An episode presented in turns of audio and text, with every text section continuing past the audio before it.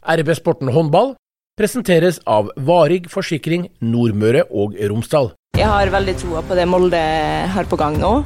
Men kanskje blir det en fjerde søster til slutt òg? Ja, vi får jo se på det. Hvis ikke du tør å sikte litt høyere enn det du har vært, hva er vitsen med å holde på med de greiene her nå, da? Det, det skjønner jo ikke jeg. Velkommen til en ny episode av RB-sporten, Romsdals Bustikkes podkast for fotball og idrett i Romsdal. Mitt navn er Ole Bjørner Lo Velde, og jeg har med et eh, panel med sportsjournalist i Romsdals Bustikke og tidligere håndballkaster Martin Brøste. Velkommen. Hallo, hallo. Hovedtrener i eh, Molde håndballklubb Elite, Tor Oddvar Moen. Hei, hei. Og eh, Molde HK Elites lagkaptein, Sherin Obaidli. Hei. Vi skal snakke om eh, håndball og ikke minst elitesatsinga til eh, Molde håndballklubb. Etter eh, helgas eh, serierunde så gikk eh, Molde på et eh, ja, om ikke overraskende tap, så i hvert fall litt uheldig tap. Og jeg leser i vår egen avis at MFHK-treneren ber spillerne glemme medaljedrømmen. Tenkte vi skulle starte dagsaktuelt, jeg, Tor Oddvar. Har du, har du sovet på det, eller? er- Ja, altså, det har jeg jo. Det er alltid lurt å sove på det. Eh, Men eh, vi må stikke fingrene i jorda. Altså, det var et overraskende tap. For eh, såpass godt kjenner jeg styrkeforholdet. Så at vi roter det til, det er ingen tvil om. Det, er, det kan ikke stikke under stol. Kan ikke gjemme seg fra det. Jeg kjenner at det er sånn Man kan ikke bli fornøyd med altså litt sånn tap og vinne med samme sinn. Og det er ikke gjengen heller, altså, men den holdningen til det må være at dette her var egentlig helt For å bruke et godt norsk ord ræva.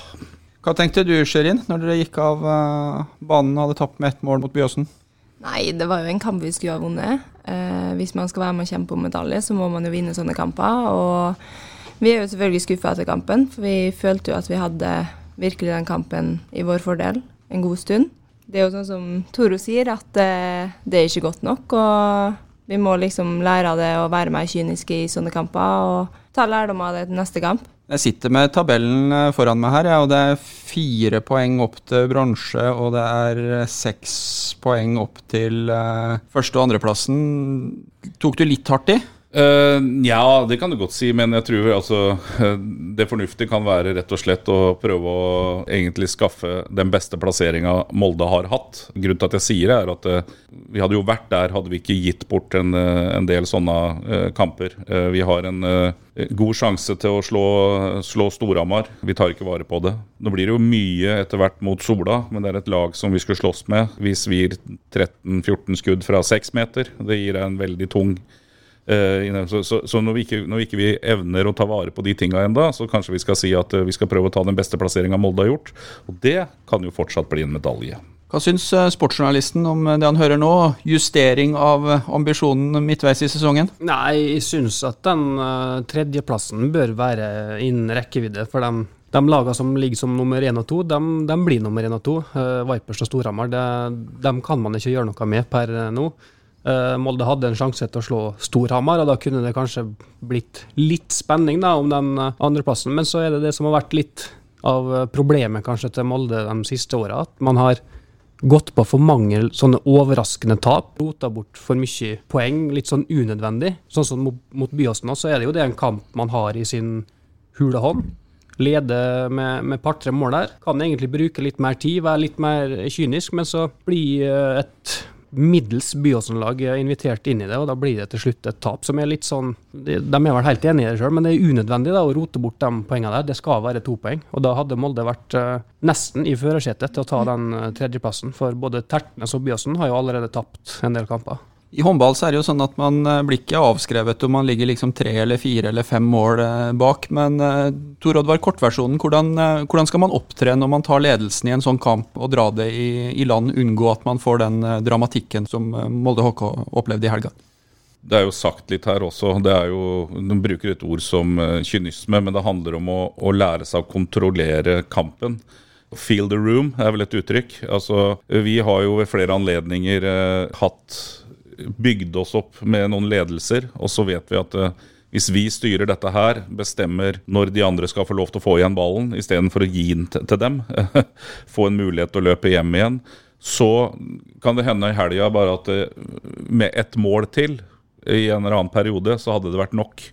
Men der byr vi jo eh, laga inn, og vi, vi, har ikke vært flinke nok til å styre den delen. Og det går jo ikke bare på ferdigheter, for de er der. For jeg syns at jeg ser et lag som har blitt mye bedre bakover. Vi får Byåsen til å stå og stange og stange og stange i veldig mange ting. Vi skaper sjanser. Vi brenner for mye. Målvakta til Byåsen går av med 49% redninger. Allerede der har vi jo gjort det litt vanskeligere for oss, og det er gode sjanser vi svir. Men i den perioden, det er den vi snakker om, så er vi nødt til å slå ballen i jorda noen ganger. Altså Når vi har stått lenge i forsvar og vunnet igjen. Hvis vi gir den tilbake til motstanderen, som vi har gjort i en del kamper, etter fem sekunder, så får ikke engang tid til å irritere seg over at ikke de kom til en sjanse. Og det er det der uttrykket som uh, Ambros Martin uh, alltid sa i sine timeouter i Gjør. Uh, 'Control the game'. Og det er faktisk noe som ligger der. Men det er en mental læring som vi bare er nødt til å bli bedre på, og så må flere ønske å lede i den sammenhengen på banen.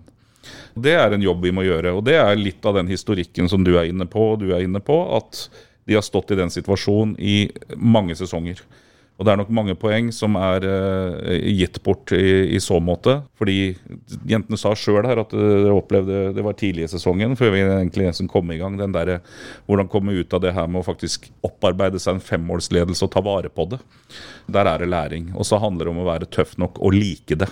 Jeg skal bare ta et lite eksempel da, på hvordan det kan se ut. Jeg hadde prat med noen av jentene i går. så For tre år siden så var det en Champions League-finale mellom Gjør og Vardar. Eh, hvor eh, Vardar leder med ett mål, og det er noe sånt som 24 sekunder igjen. og Gjøra må ta timeout. De trenger en scoring. Jeg snakka med noen av de norske jentene etterpå, for de fikk jo den skåringa. Eh, og når de kommer ut etter timeouten, så står det en brasilianer på 1,87, Eduarda Amorim, og bare gliser og ler. Det er en Champions League-finale. De er på vei til å tape den. Uh, hun står bare og gleder seg til det siste angrepet, og det sa jo de jentene som var på laget, at de bare kikka på hun. Så så de, dette kommer jo til å gå. Det å ha den der tryggheten og ha den folk som tør det, da, det er jo dit vi må. Så enten så må vi over tid skape det av de vi har, eller så må vi finne. Så det er veien videre på den biten der. Ja, hvordan oppleves det her på banen, Sherin? Nå har vi jo vært igjennom flere sånne kamper både i år og i fjor og året før, og det er jo sånn som Toro sier, at uh, vi må bare lære, og vi må bare bli tøffere på den biten. For å kunne vinne sånne kamper og kunne kjempe i toppen der, så må man ha flere ledertyper og ha flere som tør å ta en sånn rolle. Jeg syns egentlig Toro oppsummerer det ganske fint. Vi må nesten bare finne en måte å komme ut av det på, og bli tøffere og sterkere på det både mentalt og tørre å stå i sånne situasjoner. Det er akkurat sånn det føles ute på banen òg, så han oppsummerer det veldig fint. Det skal jo være gøy. Mm. Altså Det er det jeg prøver å si. Det er ikke verdens undergang. Og hvis du tør å gjøre det avslappa, så går det bra. Uh, det er liksom også å komme dit, og så handler det om å legge til. Det handler om personlighetsutvikling og ønske det. For vi kan, vi kan si det, uh, men vi må gjøre noe med det og sette det på agendaen. Og folk må ønske å utvikle seg personlig. Det trenger vi alle i denne sammenhengen. Jeg jobber med det kontinuerlig. og leser bøker av folk som har vært bedre enn meg, og prøver hele tida å være på ballen og se hva jeg kan dra ut av det. Og vi må være i den modus hvor vi ønsker det, alle sammen. Men er det noe som på en måte kan trenes på noe vis, eller er det bare erfaring som hjelper? Jo, altså Sannsynligvis så kan du trenes, men vi kan jo være Vi kan jo si det at vi skal, når vi kommer inn i den delen av kampen, så skal vi slutte å løpe eller et eller annet sånt. Men det kan også ta oss litt ut av den stilen vi liker å være. Men det er jo i de tinga der som vi kan Altså den praktiske tilnærminga må jo være det at vi er mye, mye, nøye på det at der skal ballen slås i bakken. Altså har vi stått over 30 sekunder i forsvar eller 40 sekunder i forsvar, og det ikke er en åpenbar mulighet å løpe etter, så hvorfor, hvorfor spille med risiko? Altså Vi kan gjøre sånne ting som det, men aller helst så skal vi jo egentlig bare utvikle oss til at vi kommer i en situasjon hvor vi da vi tar rett til. Vi gjør dette her ufarlig. Vi skårer et mål til isteden og gjør motstanderen utålmodig. Motstanderen som må ta sjanser. Altså Det er jo den der balansen som jeg sier med å kontrollere matchen. Noe av mm. det kan vi gjøre eh, via trening, men det er ekstremt viktig at folk etter hvert eh, liker de situasjonene. Altså Svenskene har et uh, uttrykk som jeg elsker. De sier 'gilla leget'. Altså Uansett hvor gærent det er, så må du like det, og så ta deg ut derfra. Og det må vi faktisk like. Da kan ikke det være sånn som i helga, som vi snakka om etter kampen, at det, det er plutselig 18-19-åringer i Byåsen som får hår på brøstet. Og vi får uh, lute skuldre. Det skal ikke skje. Og Der ligger jo en del i trening, men også å være villig til å jobbe med seg sjøl og se seg sjøl i utvikling som person, i, mm. som, som, sportsmann da, eller sportsjente. For Til sjuende og sist så handler jo dette her om egentlig taktiske valg man gjør uh, ute på banen. da. Så jo, Det men, i seg sjøl er kanskje en treningssak? Det er en treningssak, men det blir litt sånn som jeg prata med et par av jentene i går, søstrene til Sherin, og jeg sier at uh, i, de, i de periodene som vi er veldig bestemte, så er det sånn at vi nesten som jeg sa til, til Mona og Anniken, å følge ballen inn i mål. Den skal inn. Men så kommer jo hele laget i en sånn situasjon når vi begynner å bli usikre, hvor vi håper mer enn vi vet. Det er lov å håpe at det skuddet går inn, som går rett fram i keeperhøyde. Det er hvis uh, ankelen til keeperen brekker, sannsynligvis. Uh, men du kan jo håpe. I den perioden som vi da tar Byåsen og setter det forspranget som du snakka om da når vi, når vi snakker om den kampen, så er det jo det vi gjør. Vi vet hva vi gjør. Uh, vi er nådeløse. Klinker ballen i gålen. Mathilde Stegra innover, banker ned tilbake. Har ikke kjangs til å ta den. Anniken kommer innover, smekker den i krøsset. Mona kommer med stort tempo. Skaffer sju meter. De har ikke kjangs til å stoppe. Altså, da er vi på det nivået. Og så når vi kommer under press, så er det litt mer tanken som dominerer, og så håper vi mer enn vi vet. Altså, det er vel et bilde jeg kan gi på det. Tenkte vi skulle spole litt tilbake. Tor Oddvar, vi har mm. kanskje en del uh, lyttere som ikke er 100 uh, eh, oppdatert på håndball. Kan du, mm. du, har kommet med noen referanser. Kan du gi oss en rask oversikt over håndball-CV-en din og hvem du er? Tor Oddvar, som du sa, 55 år. Holdt på med håndball siden jeg var 12,5-13. Spilte til jeg var 21. offisiell grunn til at jeg la opp, syntes det var kjedelig å varme opp. Uh, uoffisielt. Jeg fant ut at det her kommer jeg ikke til å bli god nok i. Men jeg hadde allerede begynt å trene noen lag og syntes det var veldig gøy. Og så viste det seg det ikke fordi jeg tror jeg var så veldig god, men jeg var veldig ivrig. Så de laga jeg trente, blei faktisk bedre. Hoppa over oppvarminga? Eh, ja. Eh, nei, de, men de måtte varme opp. okay.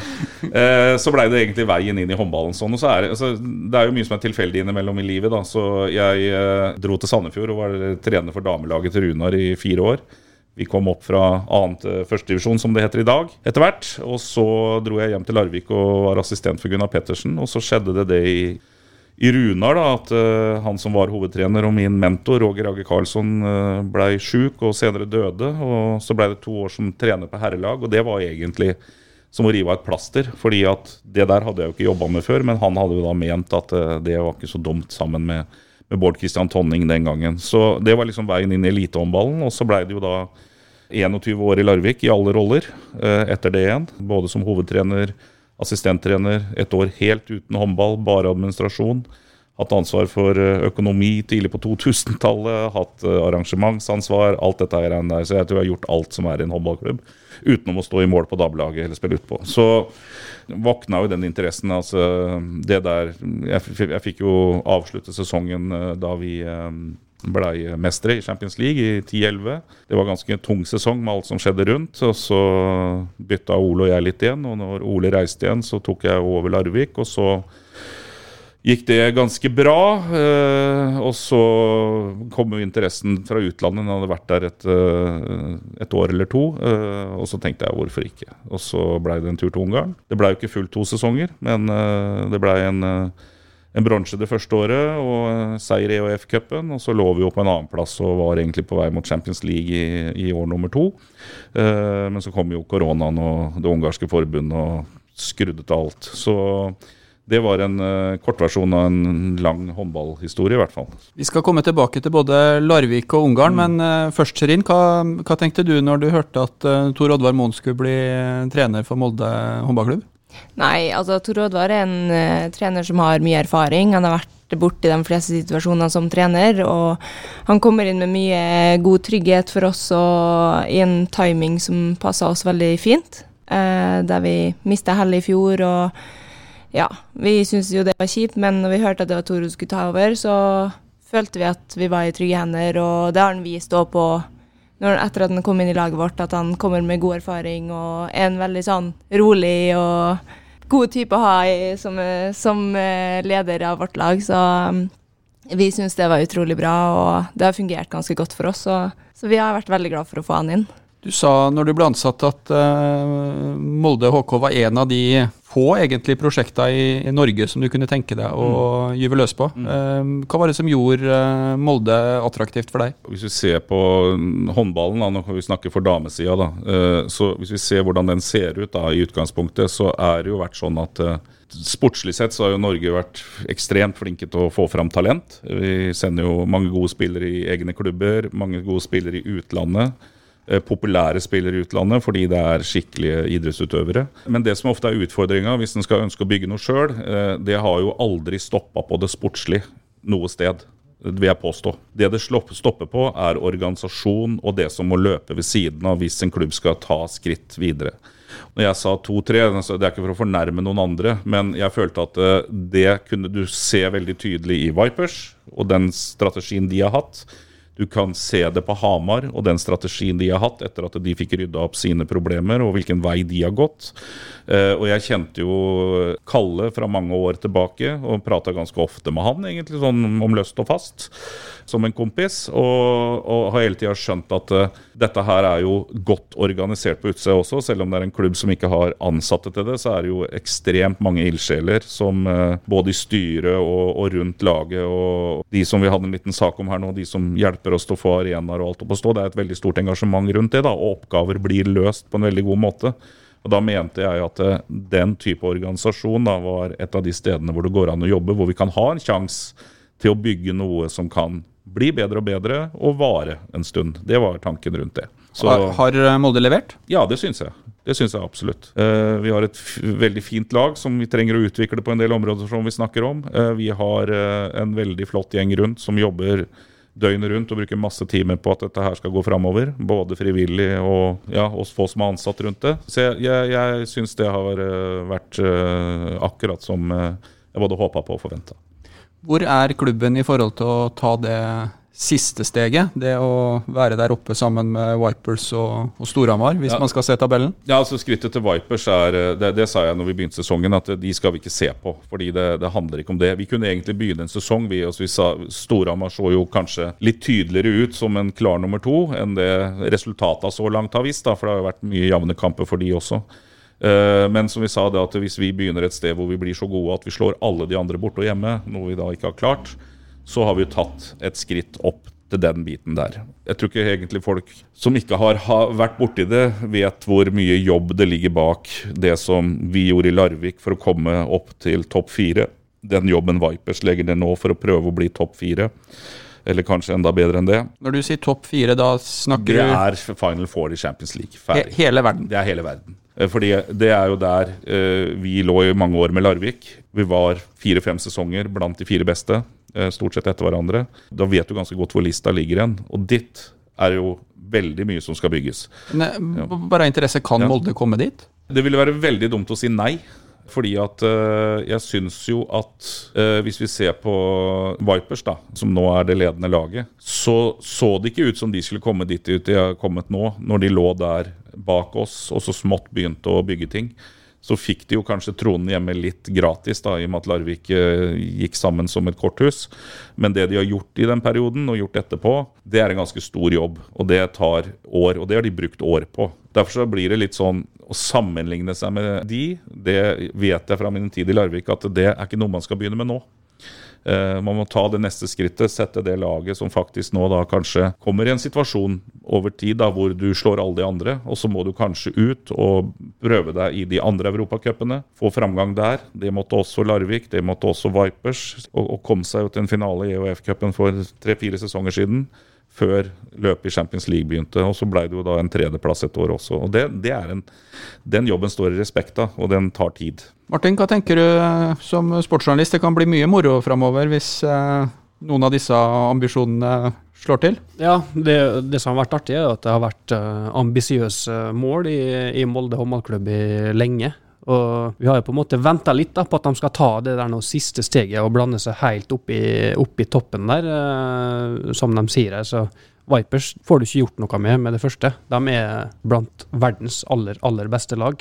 Så det er ikke der man skal sikte, men klart blant resten av lagene skal det være mulig å, å blande seg inn i. Du nevnte Champions League og topp fire, store håndballnasjoner i, eh, i, Europa. Vi kan se mot uh, Frankrike, vi kan se mot uh, Romania, vi kan se mot Ungarn. Kan du beskrive litt hvordan det var å være trener i Ungarn, og hvordan det skiller seg fra den jobben du har uh, hatt og har i Norge? Jeg syns jo at uh, den norske modellen i forhold til hvordan vi driver med rekruttering osv. Uh, har vært god. Uh, og så ser jeg jo at uh, sånn som når jeg jobba i Ungarn nå, da, så er det jo en nasjon som altså, Vi i Norge vi kaller oss sportsinteresserte, men der er det mer sportsfanatisk. Det betyr så mye med det lokale laget. Det betyr så mye for folk, så det er en voldsom interesse rundt det. Det er et helt annet mediatrykk på håndball i Ungarn enn det er i Norge. Så alt føltes jo veldig mye større ut. Og så er det klart at ressursbruken, så kan man si på godt og vondt, så lenge man har dekning for det, er mye høyere. Altså forutsetningene for å drive med det du eh, skal. Eh, der jeg var, var jo helt maksimale i en nybygd arena med alt du trenger til. Fra holdt på å si, eh, hallen til medisinsk apparat, folk på jobb hele dagen som jobba for laget med med, med behandlinger, heltidsansatte folk i, i, i, stort sett alle stillinger. Det var jo fantastisk å kunne jobbe i et sånt, sånt, miljø. Det er ikke noe tvil om. Og der er vi ikke helt i Norge. Altså, Vi er et topplag i, i Norge. Uh, hvis jeg sier at vi, vi har egen hall der nede da, som vi disponerte, så kunne jeg se etter første trening, hvis vi hadde hatt en styrketrening, vi gikk og spiste lunsj ved tolvtida, så ser jeg i oppkjøringa at den gjengen her er litt sliten nå.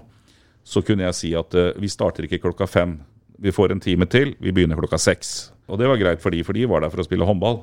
Men hadde jeg sagt det her, så hadde vi jo kommet i en hall hvor gutter ti hadde trent. Så vi kunne ikke begynt klokka seks. Så forutsetningene var mye sterkere. De er veldig eh, flinke til å få fram talent, og så syns jeg at vi i Norge er mye bedre til å foredle det og få det opp til Eh, elitespillere enn man er i de landene. Der har man mye å lære for mengden av talenter, men det å ta det til å bli en 24-7-utøver som vil bli det beste av seg sjøl, der er vi i Norge mye, mye flinkere. Det kan jeg si. Høres det fristende ut det her, eh, Sherin? Kunne du tenkt deg et par år som, eh, som håndballproff i, i et annet land? Ja, altså det er jo en drøm for alle håndballspillere som spiller på høyt nivå. og Selvfølgelig kunne man tenkt seg det, men akkurat nå så er det Molde som ligger i mitt hode, og det er der min energi og tid og alt går til. Så det, det, alltid, det har alltid vært en drøm, men uh, akkurat nå så er det kjekt det som skjer her i Molde. Du hadde jo muligheten nå uh, for en liten stund tilbake. Da var det en rumensk klubb som uh, var interessert. Hvorfor ble ikke det noe av? Nei, altså det var jo fordi at Toro kom inn i bildet. Han er jo en veldig god trener, og jeg har veldig troa på det Molde har på gang nå. Eh, det har jo vært et eventyr å bare få vært med på den lille reisen vi har kommet til nå. Og jeg tror at vi òg kan fortsette å ta store steg, så derfor var det fristende mer å være hjemme og gjøre dette i Molde. Du nevnte det her med trøkket fra media mm. og, og, publikum. Mm. Eh, hvordan eh, vil du sammenligne det med, med Norge, og, og, blir også spillerne satt under et høyere press i de ungarske, rumenske toppklubbene? Ja, det gjør du. Vi uh, hadde en uh, Det var første året mitt der nede, da, men det er ikke bare media. Det var jo kritisert av de selvfølgelig òg, men vi kom tilbake til den vanskeligste kampen i året. Og det er den romjulskampen 29., hvor folk har vært i mesterskap og, og det har vært en pause.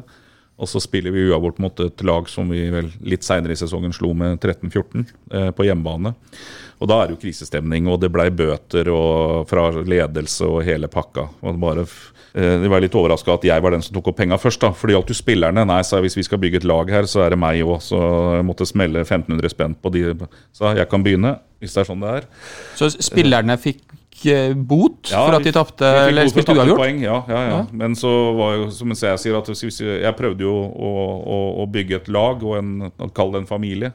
Så jeg ville jo ikke stelle meg på siden av det. Jeg hadde jo stått på sidelinja der og sett at det skjedde under mitt ansvar. Så jeg var førstemann som tok opp penger og la på bordet da, og sa at ok, her. Men hva, er det her sånn som det, vi har lest om at det kan være i fotballen i Norge, at det er en sånn botkasse som går til spillerne på noe vis, eller ikke, gikk dette nei, til klubben? nei, det viste seg det at det, det, gikk jo til, det, gikk jo, det, gikk jo til, klubben, men uh, det det endte med, da, fordi at vi fikk jo en veldig fin sesong, sesong til slutt, så det var jo ikke noe langsinne, for å si det sånn.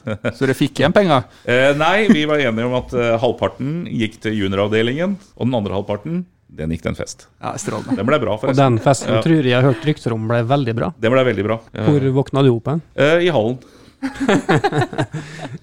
Så var det vel en pokal der som det gikk litt skeis med? Den uh, trodde jeg eh, fungerte som stol. Det var på festen etter at vi hadde vunnet EOF-cupen. Det var jo også en fin kveld. Men eh, litt ubesluttsom det og om veldig mye ståbord rundt omkring, så følte jeg at nå må jeg sette meg litt. Og den så så fint forma ut. Men uh, den var ikke skapt for en stol som en stol. Så den var litt vinglete etterpå.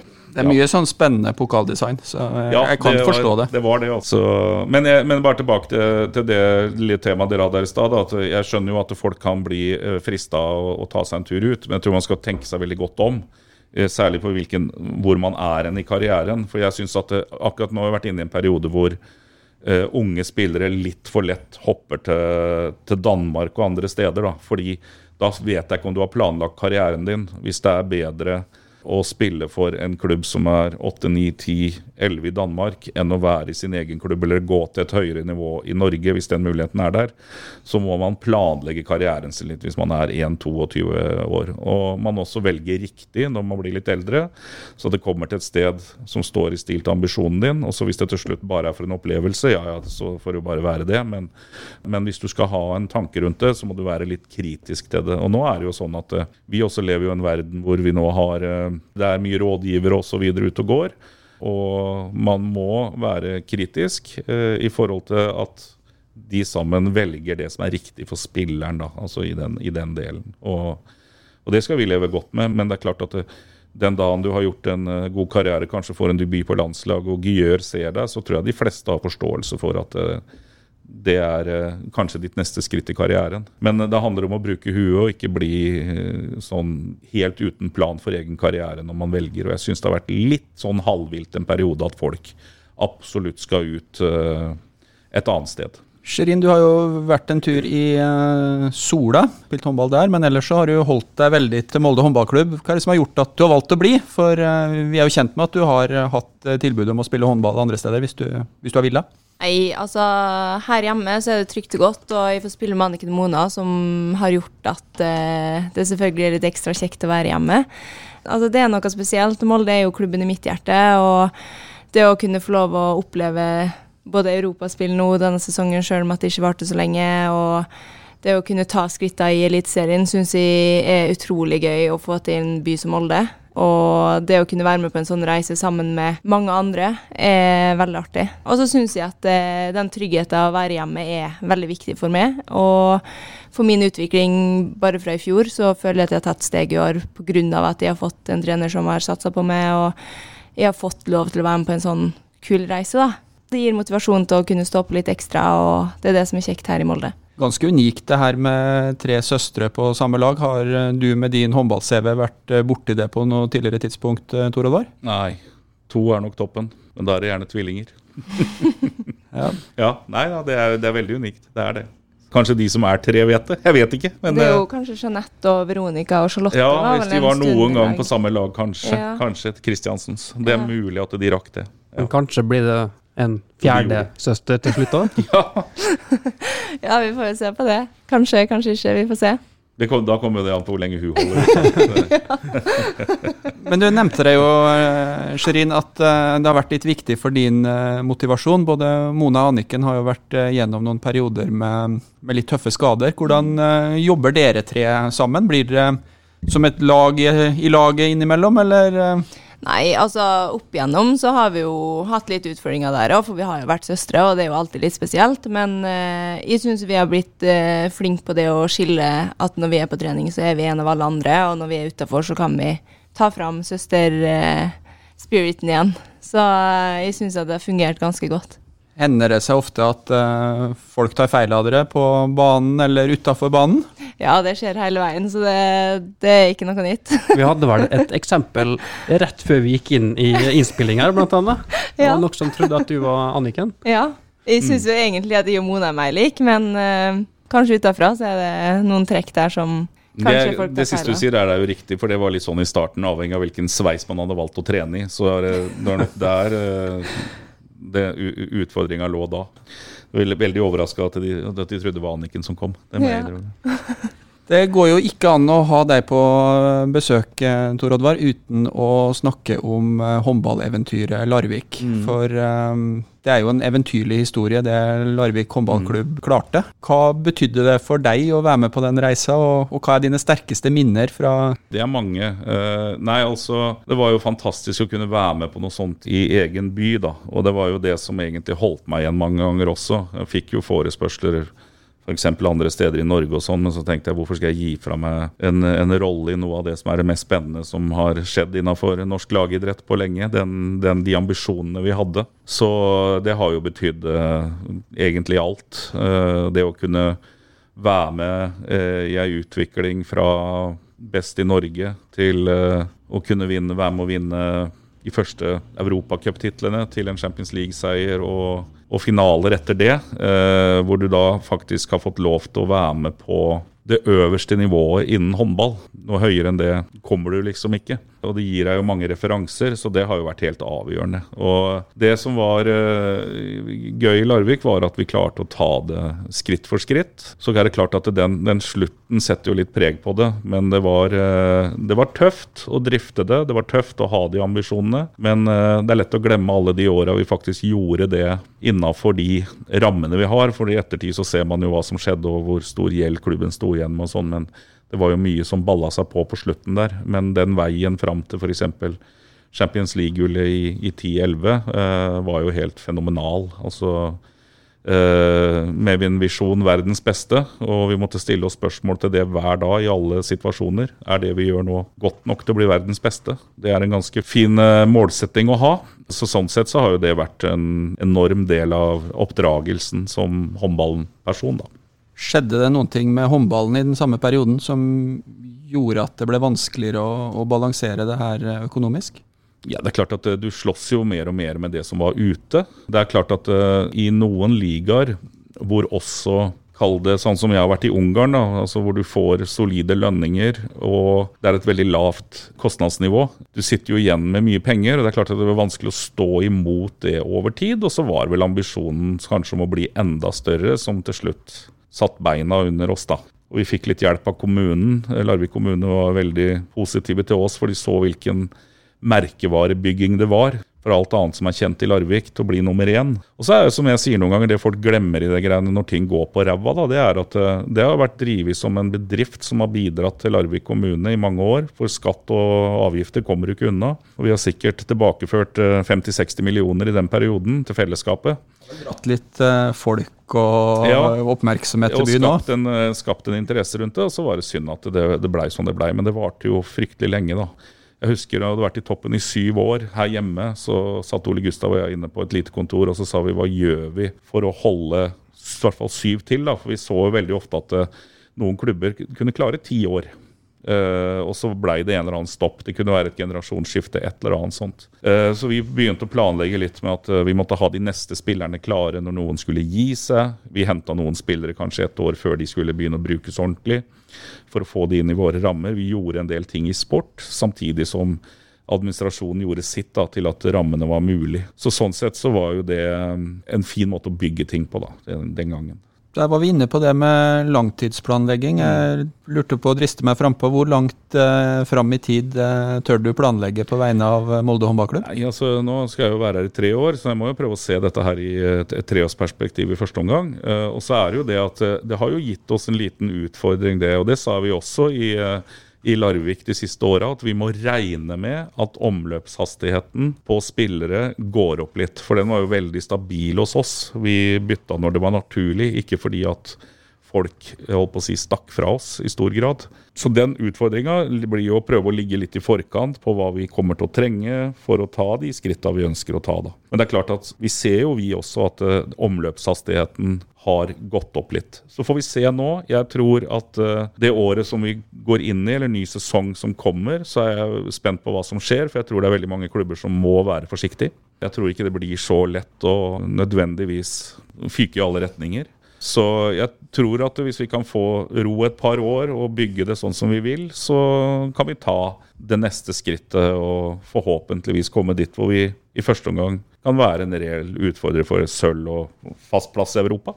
Hvordan er det å høre et sånt uh, framtidsperspektiv for uh, klubben din? Det er jo dette her vi trener for, og det er jo dette her vi òg har som mål. Så det er jo det å ta de skrittene og Sjøl om at man av og til må ta de små skrittene først, så er det jo dette her man drømmer om. Og det er jo det vi har lyst til å oppnå her i Molde, så det er jo, det er jo fint at han nå er med på at vi er enige der, med samme mål. Ja, altså det jeg sa, uh, sa jeg vel også et intervju med avisa her før sesongen, uh, at uh, jeg tror det er litt sånn Jeg føler at det veldig ofte skal være veldig trygt, da. Og, og trygghet er fint, det, men jeg syns at hvis ikke du har en ambisjon om noe høyere, så hvorfor gidder vi da å holde, holde på om det? Så når jeg tidlig sa den bronsemedalja, som vi fortsatt kan ta, selvfølgelig, så var jo det kanskje et hakk over det Molde har klart noen gang.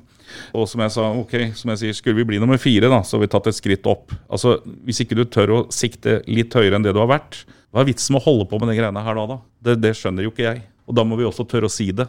Og så vi, får vi høre det gjentatt uh, hver uke det vi blir nevnt på av Harald Bredli på TV 2 at bronsejagende Molde Ja, men det får vi bare leve med. Det må vi bare tåle. For hvis ikke du kan ha den der, og så må du da eventuelt tåle da, at du Om vi da skulle mislykkes, da, og kanskje vi blir fire, da. Ja, så blei vi i hvert fall en plass bedre enn i, i fjor, og vi kan gå videre på den biten her. Hvis ikke du tør å si det, så kommer du ikke til å gjøre det heller. Og Derfor så sa vi en gang tydelig, sikkert når noen lo av oss også, at vi ønsker å bli verdens beste i Larvik. Da føler jeg egentlig at eh, lista er lagt, ja, og at det er en, eh, et passelig sted å avslutte dagens eh, episode av RB-sporten. Tusen takk til dere for at dere hadde tid til å stikke innom oss. Bare hyggelig. Og til deg som lytter, husk at hvis du abonnerer på RB-sporten der du abonnerer på podkast, så får du beskjed når en ny episode er klar. Takk for følget.